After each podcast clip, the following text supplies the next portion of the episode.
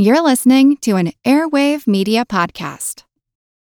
Lucky Land Casino asking people what's the weirdest place you've gotten lucky? Lucky? In line at the deli, I guess? Aha, in my dentist's office. More than once, actually. Do I have to say? Yes, you do. In the car before my kids' PTA meeting. Really? Yes. Excuse me, what's the weirdest place you've gotten lucky? I never win and tell. Well, there you have it. You can get lucky anywhere playing at LuckyLandSlots.com. Play for free right now. Are you feeling lucky? No purchase necessary. Void where prohibited by law. 18 plus. Terms and conditions apply. See website for details. As a longtime foreign correspondent, I've worked in lots of places, but nowhere as important to the world as China. I'm Jane Perlez, former Beijing bureau chief for the New York Times.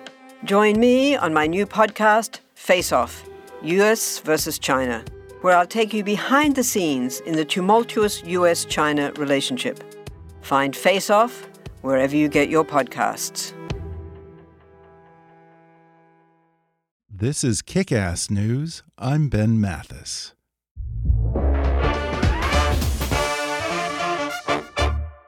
No one compliments you when their paycheck is correct, but make one mistake and you risk alienating your entire workforce.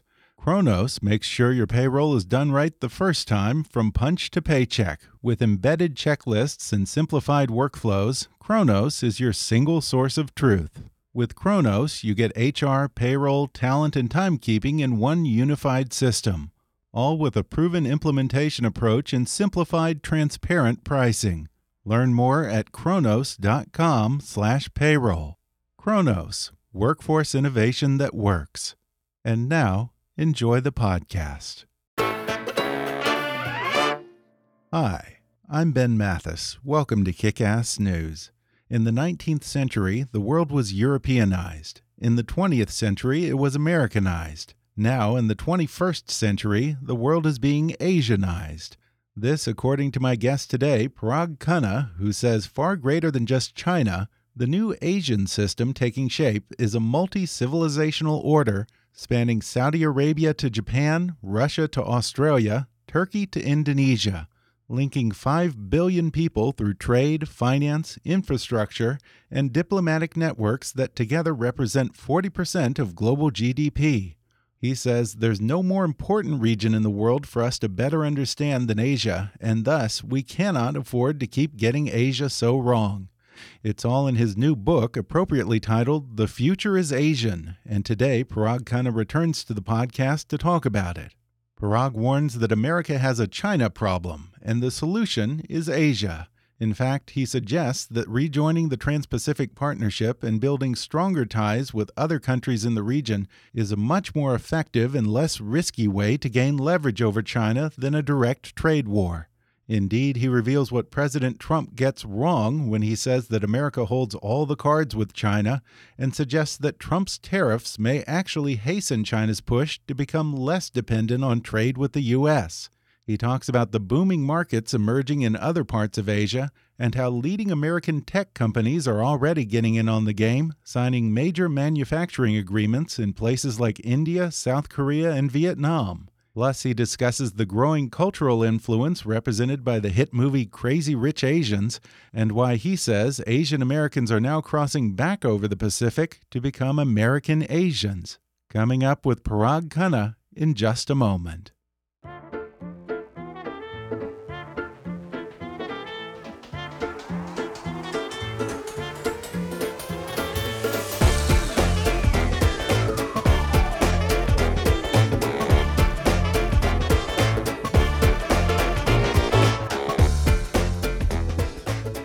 I'm happy to welcome Parag Khanna back to the show for the third time. Parag is a guy who's always seeing around corners and brings fascinating insights into where the world is heading. He is managing partner of FutureMap, a scenario planning and strategic advisory firm. He has been a fellow at the Brookings Institute, New America, and the Lee Kuan Yew School at the National University of Singapore, as well as an advisor to the U.S. National Intelligence Council and U.S. Special Operations Forces. He is a young global leader of the World Economic Forum and leading next gen global intellectual whose numerous TED Talks have garnered several million views. The internationally best selling author of six books, including The Second World and Connectography, Parag Khanna is now out with a new one titled The Future is Asian Commerce, Conflict, and Culture in the 21st Century. Parag, welcome back to the podcast. Thank you so much. Can't believe it's been three times. Yeah, I've had a lot of seconds, but I don't know if we've ever had a third. So I feel like a veteran. Thank you. Yeah. Now, you say the U.S. has a China problem and the solution is Asia. To me, that sounds like saying we have a flooding problem and the solution's more rain. So, what exactly do you mean by that? well, and that you you really put your finger on it because the problem with the way we think about Asia is that we think it's nothing more than just China. We think right. that Asia is just China writ large, whatever China wants, China and just a smattering of little neighbors. Here are the facts um, China is 1.5 billion people. Asia has 5 billion people. So wow. there are 3.5 billion Asians who are not Chinese. They come from great, rich, powerful civilizations, whether it is India or Iran or Russia, Southeast Asian countries, Japan, Korea. And the history of Asia is much more the history of these diffuse, dispersed, uh, civilizations, empires, and states, rather than just everyone bowing down to China. And so, one of the main reasons I wrote this book, it's called The Future is Asian. It's not called The Future is Chinese. Um, in many ways, the present feels Chinese in the sense that we're so overwhelmed with all of this focus on China. But the next wave of Asian economic growth and the next wave of our American corporate attention and diplomatic priorities actually lie outside of China in India and Southeast Asia. In those countries, most of which are democracies, by the way, there's two and a half billion people, and they're starting to grow even faster than China economically. They have a larger population than China. They're getting more foreign investment than China. And that's all today. So if you're looking for just yet another example of how so often our, our media or our political pundits or whatever are kind of behind the curve, this is definitely one of them. It's a big yeah. blind spot to ignore everyone else and only look at China. And even when we talk about China specifically, the thinking always falls into two extremes. One being the future is entirely China, and the other being that the future is certainly not going to be China due to slowing economic growth, demographic shifts, etc. In reality, do you think that China's future lies somewhere in between? You're exactly right. It is uh, the other, you know, corollary. The other mistake is that it's always these all or nothing propositions. Mm-hmm. They're going to, they're authoritarian, therefore they must collapse. You know, they have an environmental nightmare on their hands, therefore their civilization will become extinct. They're growing old before they grow rich, and on and on and on. They have high debt, therefore their economy is, you know, going to ruin. Um, you know, it's definitely somewhere in between. Their growth is slowing, but when you have the world's largest economy, growing at 5% still means that you're adding two or three hundred billion dollars a year of new economic activity to the world economy. Not to mention that they are also stimulating the other growth wave. As I mentioned, you know, India and Southeast Asian countries like Indonesia and Thailand and Vietnam and so forth are starting to grow faster than China. And it's not in opposition to China, it's because of China. Mm-hmm. Because China is actually outsourcing its own business activity. China is investing um, more into these countries than any other country is. So in it's very consistent with Asian history. You know, Japan was the country that led the Asian economic miracle, if you remember the 50s and 60s and 70s. Yeah. It was Japan that inspired South Korea and that so-called tiger economies, if you remember the tiger economies. Now, China began to reform 40 years ago, as you know. Why did China? It's a very simple question. How did China become China in the last 40 years? The reason is actually because of Japan and South Korea and Taiwan and Hong Kong, because they were the leading investors in China right? They made it what it is today. To sure. this day, they're still the biggest investors in China. So now, all of those countries, Japan, South Korea, China, and so on, are actually leading the investments into the new wave of Asian growth countries. So we ha- when we look at Asia, we have to view it as additive and cumulative and not just this either or black or white trade war I win you lose kind of mentality that we put to it. when President Trump talks about China, he always says that we hold all the cards here in the U.S., and he points to the fact that America is still China's biggest trade partner. Now, if we're talking about countries, yes, that's true, but what else is he missing by framing it in such narrow terms? Yes, he's missing something very important. Um, to, to, cut to the point, he's wrong. Uh, China's largest trading partners collectively are its own Asian neighbors. If you add up China's trade with just Japan and just Korea and just India and Australia and Southeast Asia. It's sort of immediate neighbors. Let's even cut out Australia, right? Just the countries that it borders, it's way larger than its trade with America. Secondly, China's second largest set of trading partners is the European Union, right? And the European Union trades as if it's one economic unit, right? Economic bloc. Um, you know, even without the UK after Brexit, China trades way more with Europe than it does with America. So actually, the United States is the third most important trade partner for China. The third most important. Not wow. the most central, not the most important. Of course, it's very significant. There are categories of goods, especially sensitive technologies, that China has grown accustomed to getting from the US, and now it's going to have a hard time getting some of them. That's because of its intellectual property theft and its violations of fair trade practices and so forth. So they deserve to not get some of these things. But here's the other mistake the administration acts as if China can only get those things from the United States. That's not true. If you want to buy semiconductors, you don't just have to get them you, from Qualcomm or Intel or Nvidia.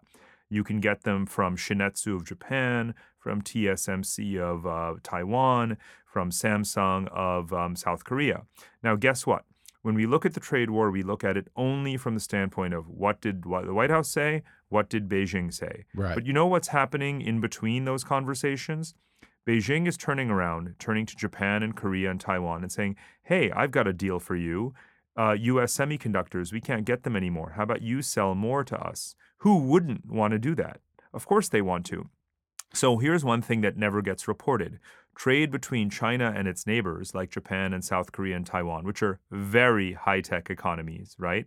In many ways, on average, more high tech than we are um, Japan, China is just going to buy from them, and that's exactly what is happening. I'm not giving you some kind of hypothesis or like you know conspiracy theory. This is already happening, and we're not paying attention to it. Well, yeah, and China has a whole strategy called Made in China 2025, which is all about making China self sufficient and replacing U.S. suppliers with arguably more reliable trade partners such as Japan and South Korea. So you're saying that Trump's trade war is actually hastening the pace of that now?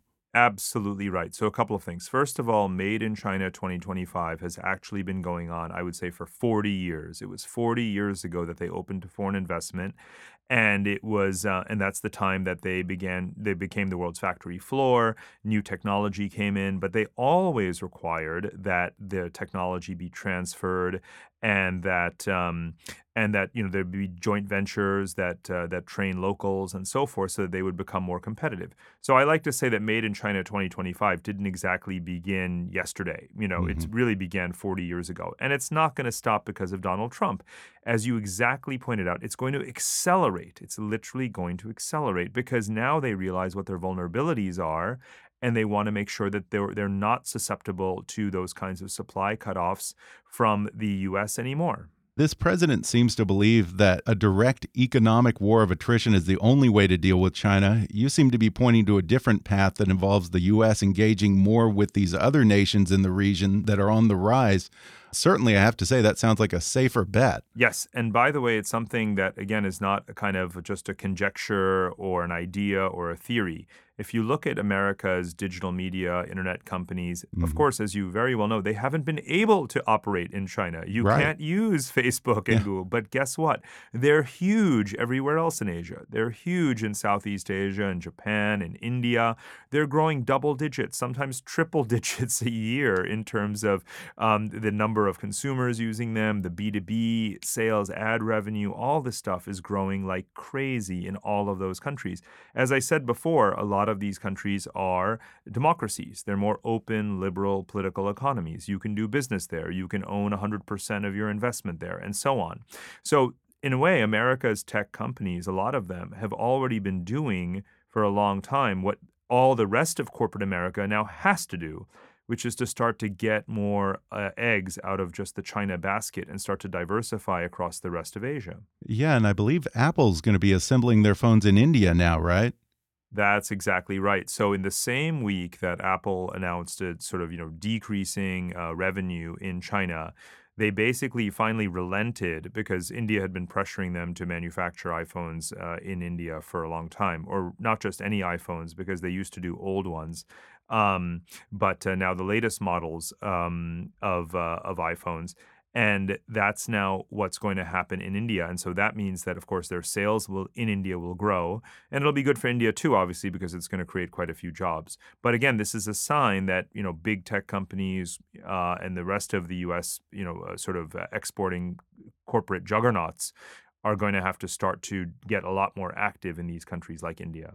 And I want to talk to you about the best approach to this. When Vice President Pence visited the region fairly recently, he gave a speech that many dubbed Cold War 2.0. If asked to choose sides between China and the U.S., how are these countries likely to respond?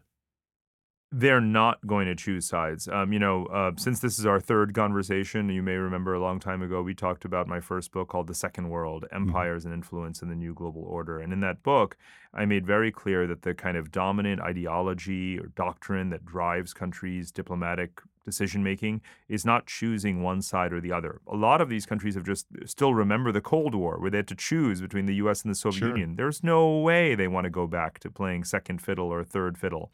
Instead, what they're doing is what I called back then multi alignment. I'm not going to align with you. I'm not going to align with the other guy. I'm going to multi align. I'm going to have good relations with you. I'm going to have good relations with them. I'll have good relations with Europe, good relations with Russia, um, good relations, you know, with Saudi Arabia, and on and on and on. And that's what every country's actually doing.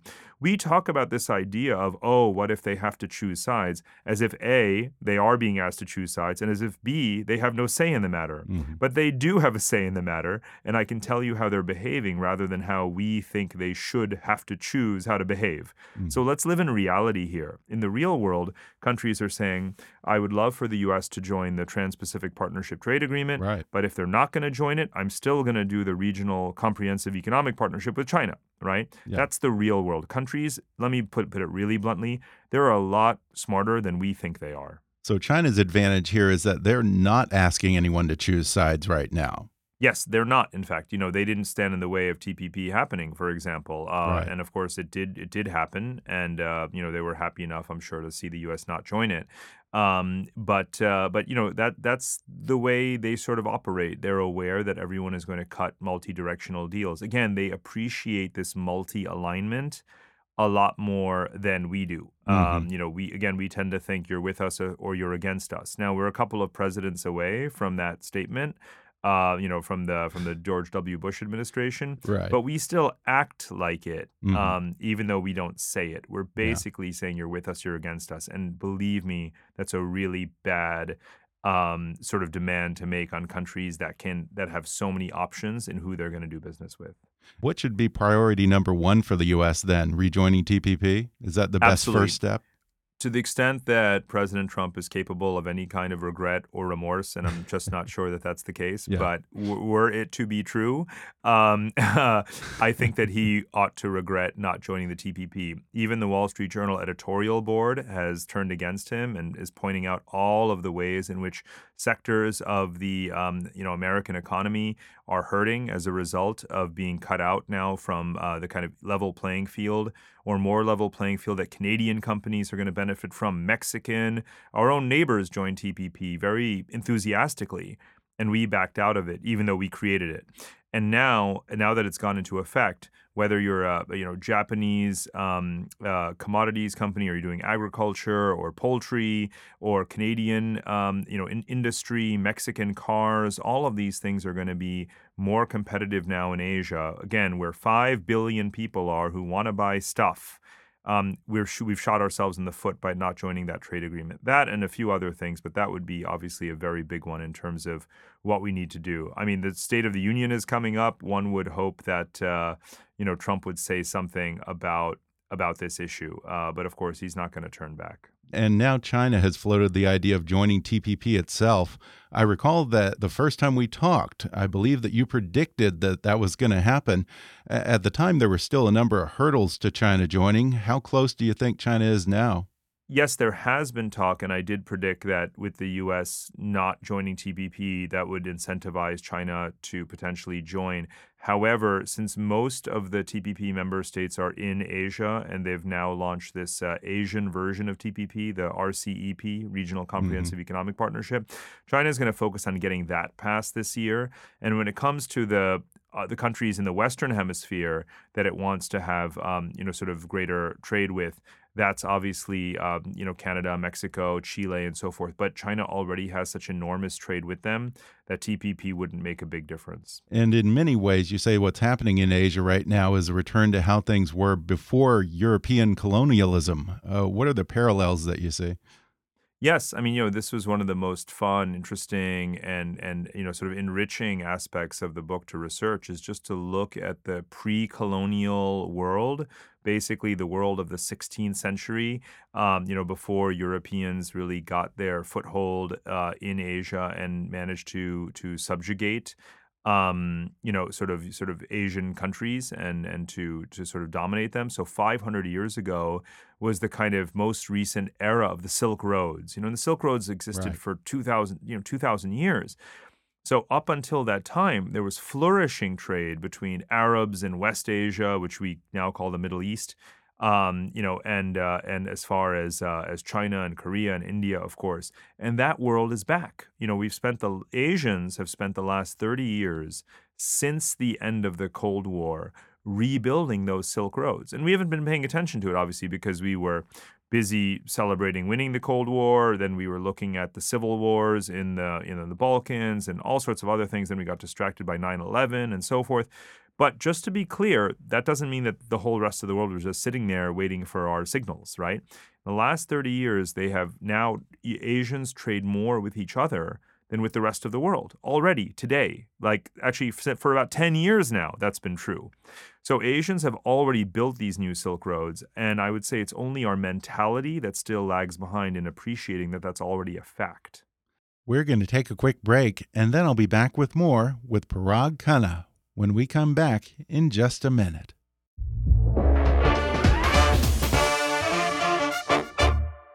If there's something interfering with your happiness or preventing you from achieving your goals, BetterHelp Online Counseling can help.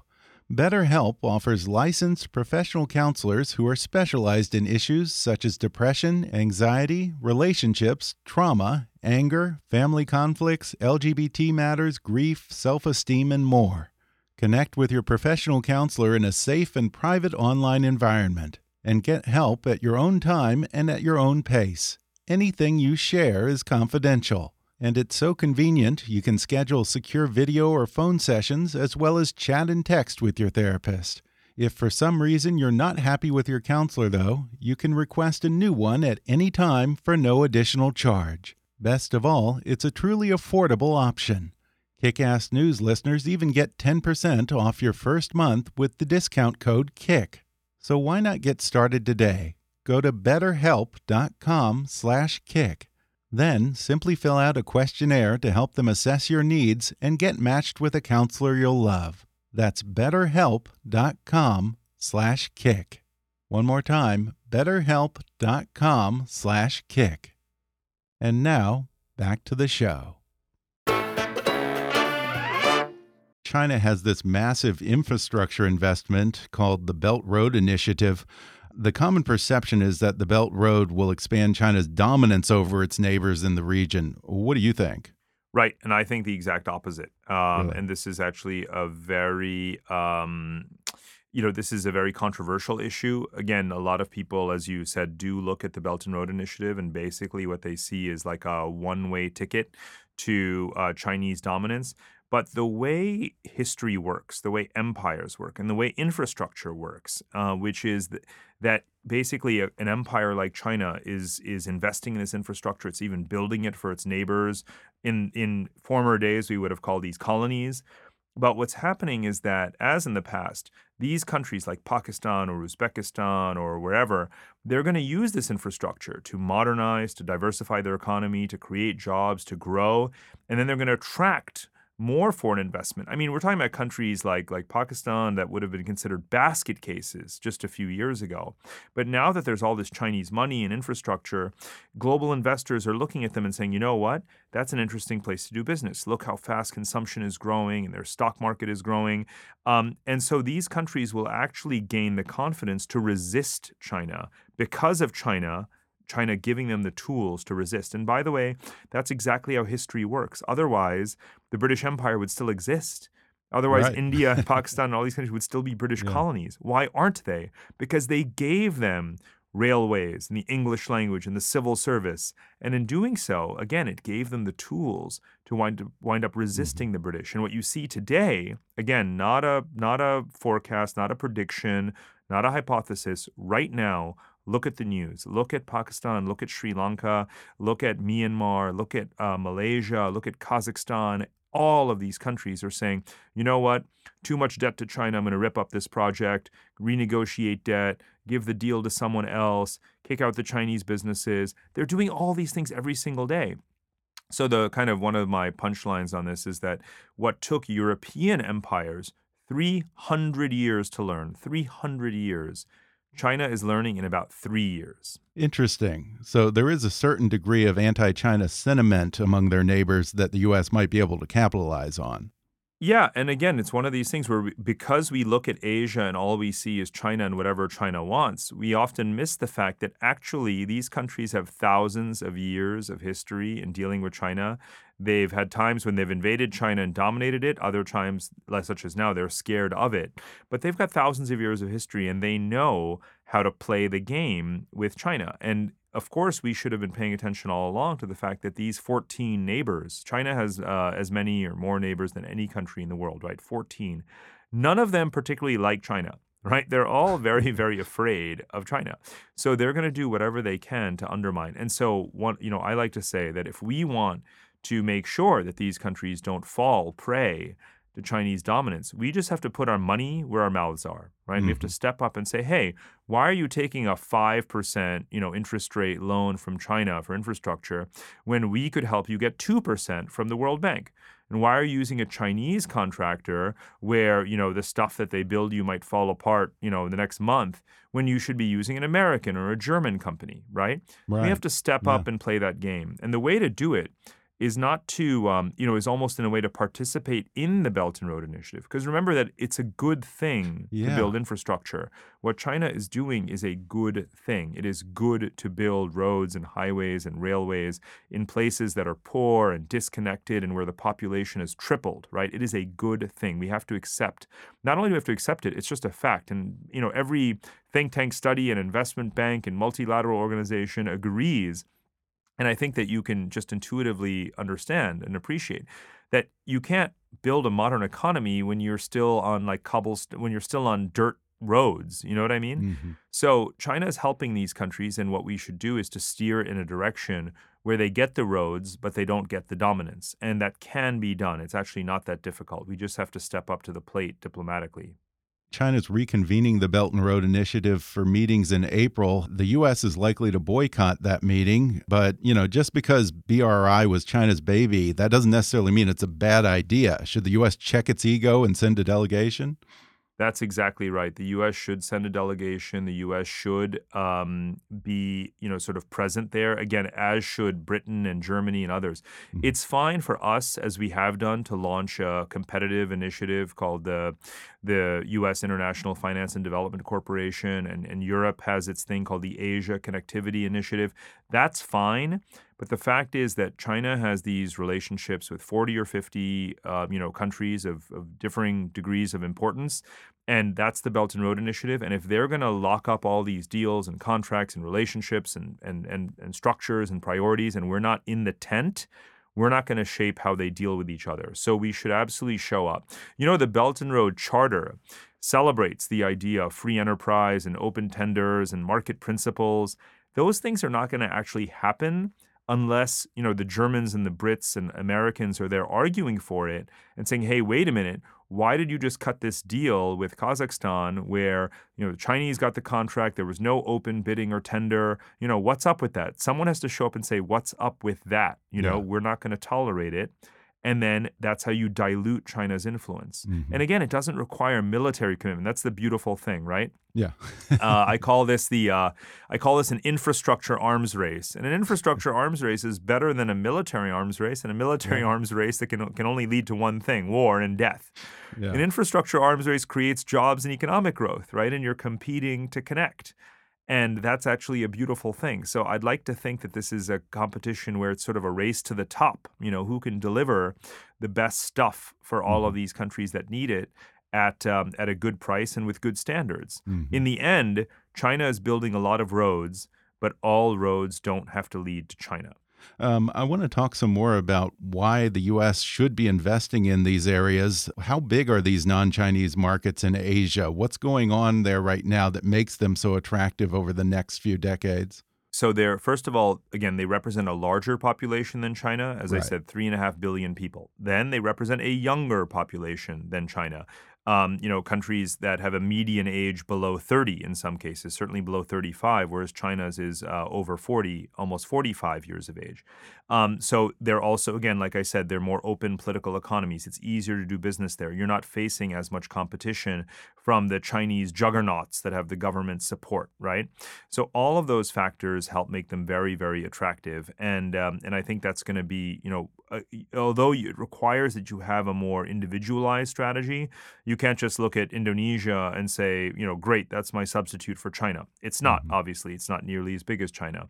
But again, if you have a strategy for India and for Pakistan and Bangladesh and Indonesia and Thailand, Vietnam, these countries are close to each other. You may need, obviously, more localized uh, presence, but you will, in the end, uh, have access to what is eventually going to be um, uh, as large a market as China. You praise the modern technocratic governments in places like Singapore, where you live, and you say there's what you call a top down revolution going on. That term might seem like an oxymoron, so explain what that looks like.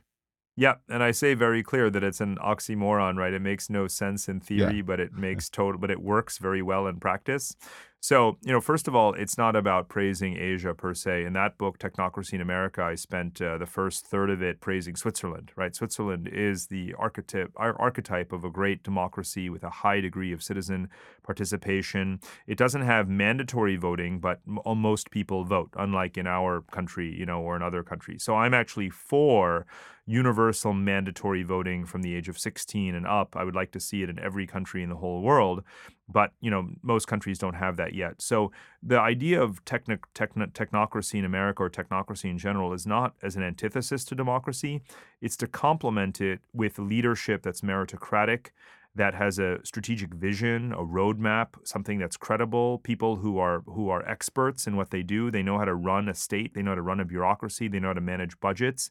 They're impartial, they may be less political. Um, you know, they don't have to fight for reelection every two years. I know this sounds exactly like like America, doesn't it?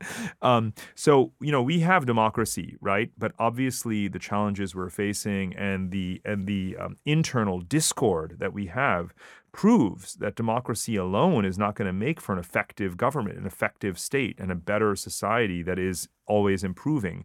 It's going to take more than that from our leadership. And that's why I think we need to, you know, go back and revisit how we structure whether it's the White House or Congress, the judiciary, the independence of groups like the, the central bank and so forth, everything has become so hyper politicized that it's really damaging to the long term strategy that's needed to be a successful state. Yeah, and one thing that I found interesting about that, when you talk about societies like Singapore, people having a say in their government is not something that happens every four or two years. There's a feedback loop that's kind of built into the system in places like Singapore so that the technocrats can then go back and try and improve services. Right. This is why I say that, you know, in a way, um, democracy is a form of data, right? We have an election, Yes. we collect data points. What percentage of people voted for X? What percentage of people voted for Y? And uh, and so forth, right? Uh, and so we need more data though. We what about all the people who don't vote? What do they think? You know, what are, what can we read from their social media metadata, you know, on their points of view? What about when they do SeeClickFix and they send us a photo of a pothole in the street? Have we fixed it, you know? Mm-hmm. And in Singapore, even though you know which which party is going to win the election, though their popularity is actually declining and they they measure that and they respond to that. Um, what they do is they measure issues all the time.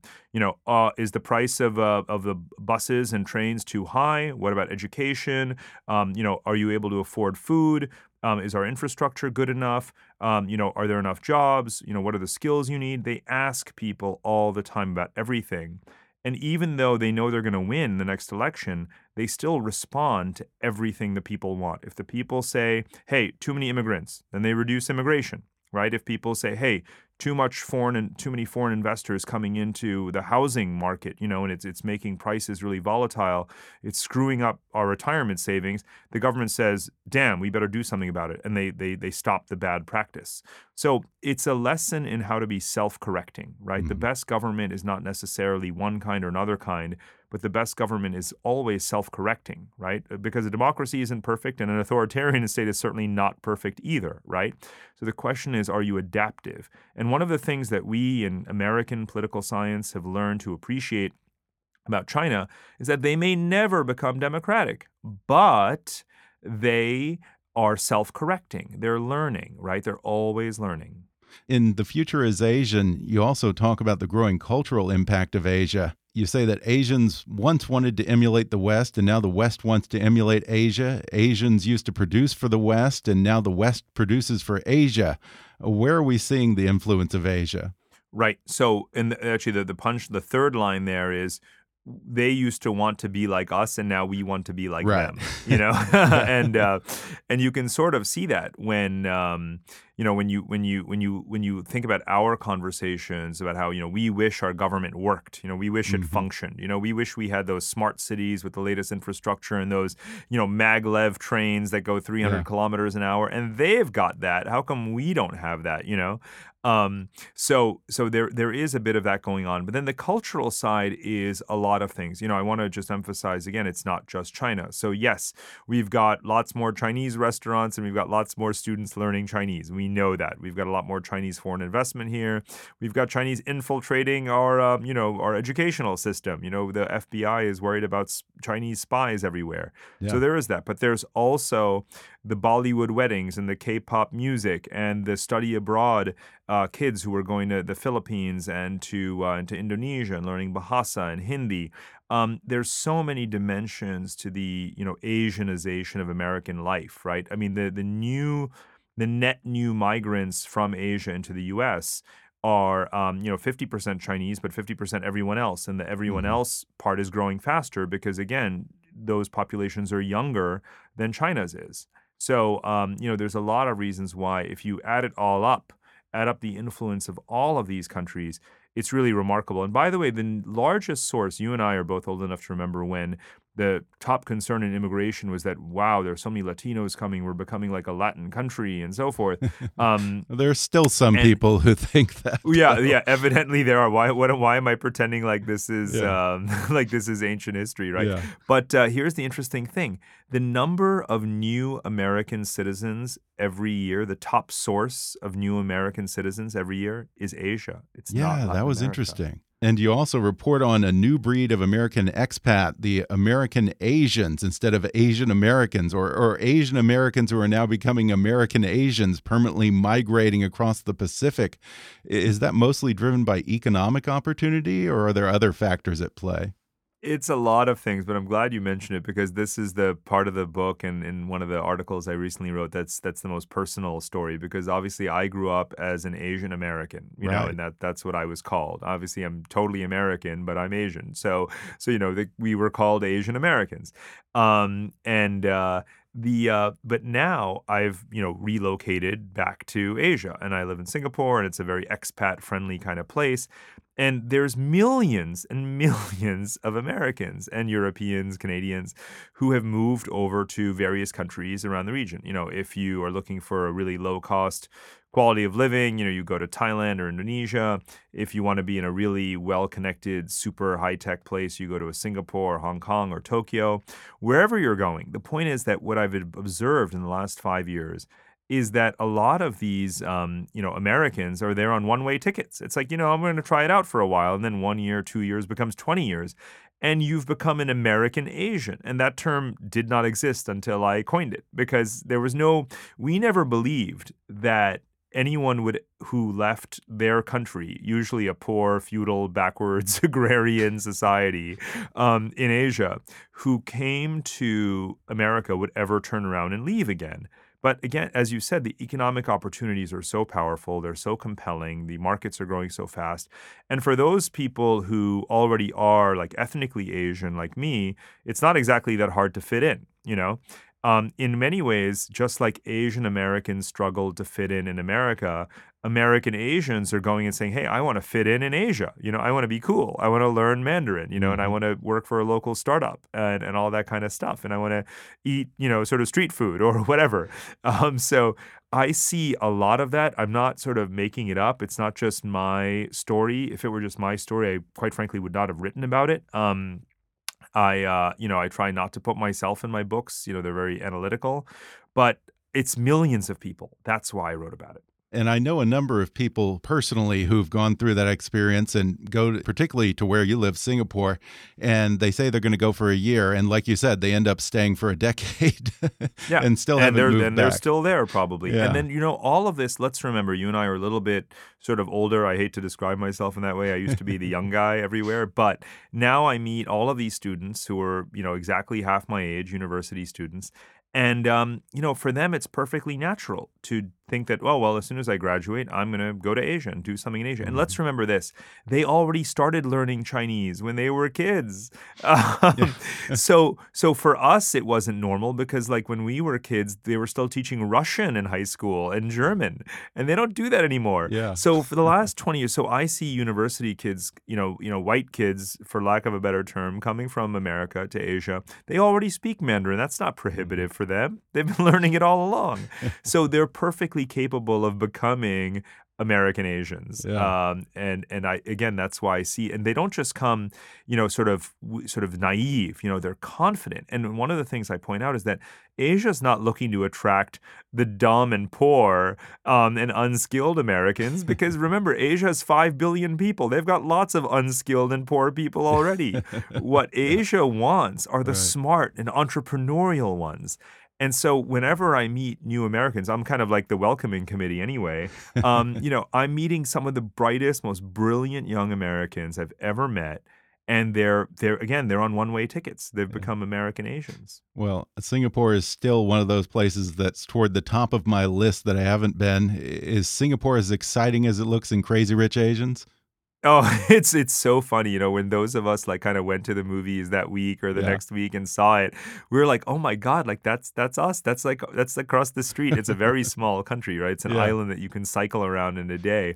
Um, to be honest, it I mean they obviously only showed one side of it. You know, they they did capture the the street food, which is kind of like world renowned and Michelin starred, and then they captured the kind of billionaire scene. Right. And there are, you know, matter of factly a lot of billionaires. But let's remember it is a real society. I mean, it's it's by the way, it's the most multi ethnic, multi religious place in the world. You have the highest rate of intermarriage in the world. So it's a really harmonious place actually. Mm-hmm. and obviously that's engineered. It's by design. Let's not kid ourselves. You know for those who haven't read the memoirs of Lee Kuan Yew and the history of Singapore it's actually worthwhile uh, reading actually yeah. um, so you know it's a, it's a tough place in the sense that it's, it's, disciplined it's strict but here's what I've noticed in just a few years it's loosened up big time mm-hmm. we've got the Formula One car race on the streets we've got Beyonce and Madonna we've got Red Bull you know sort of uh, paragliding and competitions it's a really fun place. And yeah, that's why more like. and more people are coming. Well, Parag, you've always got fascinating insights and you make us think, and you've always got great charts and maps. I want to point that out. Once again, your book has fascinating graphics illustrating the points you make. The book is called The Future is Asian Commerce, Conflict, and Culture in the 21st Century. Parag Khanna, thanks for talking with me. Great to talk to you, as always. Thanks again to Parag Khanna for coming on the podcast. Order his book, The Future is Asian, on Amazon, Audible, or wherever books are sold. You can keep up with Parag at paragkhanna.com or on Twitter at, at paragkhanna, spelled P A R A G K H A N N A. Whatever struggles you're facing, from depression and anxiety to trauma and grief, BetterHelp can connect you with a professional counselor in a safe and private online environment. It's so convenient you can schedule secure video or phone sessions as well as chat and text with your therapist. And anything you share is completely confidential. Best of all, it's a truly affordable option. Kickass News listeners even get 10% off your first month with the discount code KICK. So why not get started? Simply go to betterhelp.com/kick and fill out a questionnaire to get matched with a counselor you'll love today. Be sure to subscribe to Kickass News on Apple Podcasts if you haven't already, and if you like what you're hearing, then rate and review us while you're there. Five star reviews are the easiest way for new listeners to find us. Don't forget to like us on Facebook and follow us on Twitter at, at KickassNewsPod. And feel free to email me with your thoughts, questions, and suggestions at comments at kickassnews.com. Until next time, I'm Ben Mathis, and thanks for listening to Kickass News.